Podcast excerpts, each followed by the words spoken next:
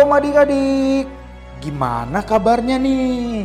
Kak Joshua seneng banget bisa kembali hadir ngebawain renungan harian audio cerdas berpikir. Melalui renungan ini, Kak Joshua berharap pikiran kita semakin diisi oleh kebenaran firman Tuhan. Adik-adik, kemarin umat Kristen memperingati hari turunnya Roh Kudus ke atas murid-murid Tuhan Yesus yang bertepatan dengan hari raya Pentakosta orang Yahudi. Sejak peristiwa itu dimulailah masa yang baru. Kalau dulu sebelumnya Roh Kudus hanya memenuhi orang-orang tertentu, misalnya para hakim, raja, dan nabi. Setelah peristiwa itu, semua orang Kristen punya kesempatan yang sama untuk dipenuhi oleh Roh Kudus peristiwa itu, orang-orang belum tahu nih bahwa Roh Kudus dijanjikan kepada pengikut Tuhan Yesus. Makanya perlu ada tandanya. Berkata-kata dalam bahasa baru dan melakukan berbagai mujizat. Nah, kita sekarang punya kesempatan untuk dipenuhi oleh Roh Kudus, yaitu Roh Kudus memenuhi hati kita. Rasul Paulus dalam Efesus 1 ayat 13 bilang gini, di dalam dia kamu juga karena kamu telah mendengarkan firman kebenaran yaitu Injil keselamatanmu di dalam dia kamu juga ketika kamu percaya dimateraikan dengan roh kudus yang dijanjikannya itu. Jadi waktu kita percaya Tuhan Yesus karena mendengarkan firman Tuhan, maka Roh Kudus diberikan kepada kita sebagai tanda bahwa kita adalah milik Tuhan Yesus. Roh Kuduslah yang mengingatkan kita tentang firman Tuhan dalam situasi tertentu. Kak, apa kita harus mengalami apa yang dialami oleh murid Tuhan Yesus? Bisa berbahasa baru dan melakukan berbagai mujizat sebagai bukti bahwa kita dipenuhi oleh Roh Kudus? Hmm, sebenarnya sih gak harus. Itu semua tergantung maunya Tuhan. Yang harus kita alami dan kita miliki adalah perubahan hidup. Soalnya gini, percuma kan kalau kita bisa mengadakan berbagai mujizat, tapi kita nggak memiliki karakter yang diubahkan menurut kehendak Tuhan.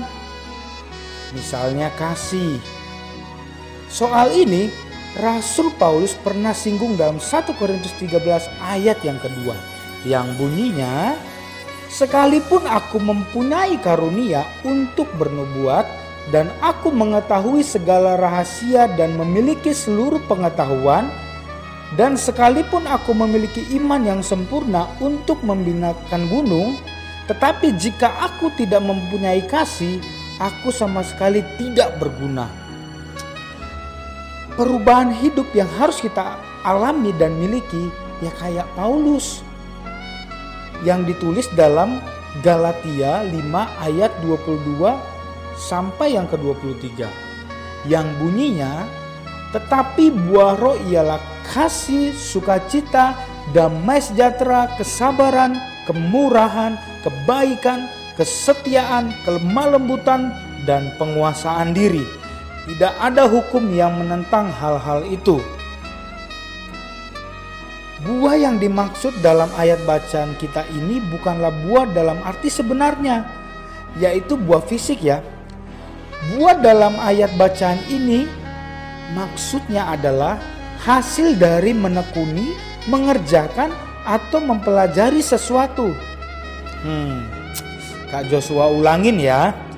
Buah dalam ayat bacaan kita ini maksudnya adalah hasil dari menekuni, mengerjakan, atau mempelajari sesuatu. Gampangnya nih ya, Lionel Messi jago main bola. Itu adalah buah dari dia rajin latihan main sepak bola.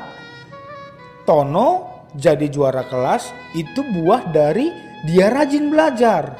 Nah, buah roh adalah hasil dari orang Kristen menuruti tuntunan Roh Kudus dengan mempelajari firman Tuhan dan melakukannya. Jadi, gak cuma baca Alkitab doang ya. Adik-adik, Kak Joshua perlu ingatin nih, buah roh itu gak instan.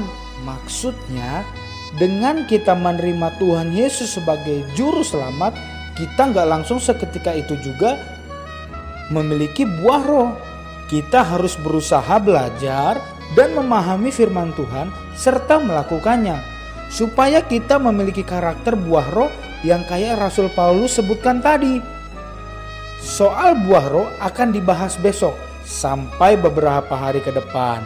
Hari ini intinya kita harus sungguh-sungguh memahami dan melakukan firman Tuhan supaya memiliki karakter hidup yang menyenangkan hati Tuhan. Hari ini juga ya kenalan aja dulu soal buah roh. Yuk kita berdoa. Tuhan Yesus yang baik, terima kasih karena Tuhan telah hadir dalam hidup kami. Terima kasih karena Roh Kudus sudah Tuhan turunkan ke atas kami. Kami percaya kepada Engkau sebagai Tuhan dan Juru Selamat kami dan hari ini kami mau belajar supaya kami bisa melakukan kesembilan buah roh itu. Ajari kami ya Tuhan, pimpin setiap kami. Sekalipun kami masih muda, sekalipun kami masih kecil, tapi kami percaya Tuhan hadir dalam kehidupan kami dan kami akan melakukan hal-hal yang menyenangkan hati Tuhan. Pimpin langkah hidup kami hari ini ya Tuhan. Haleluya. Amin.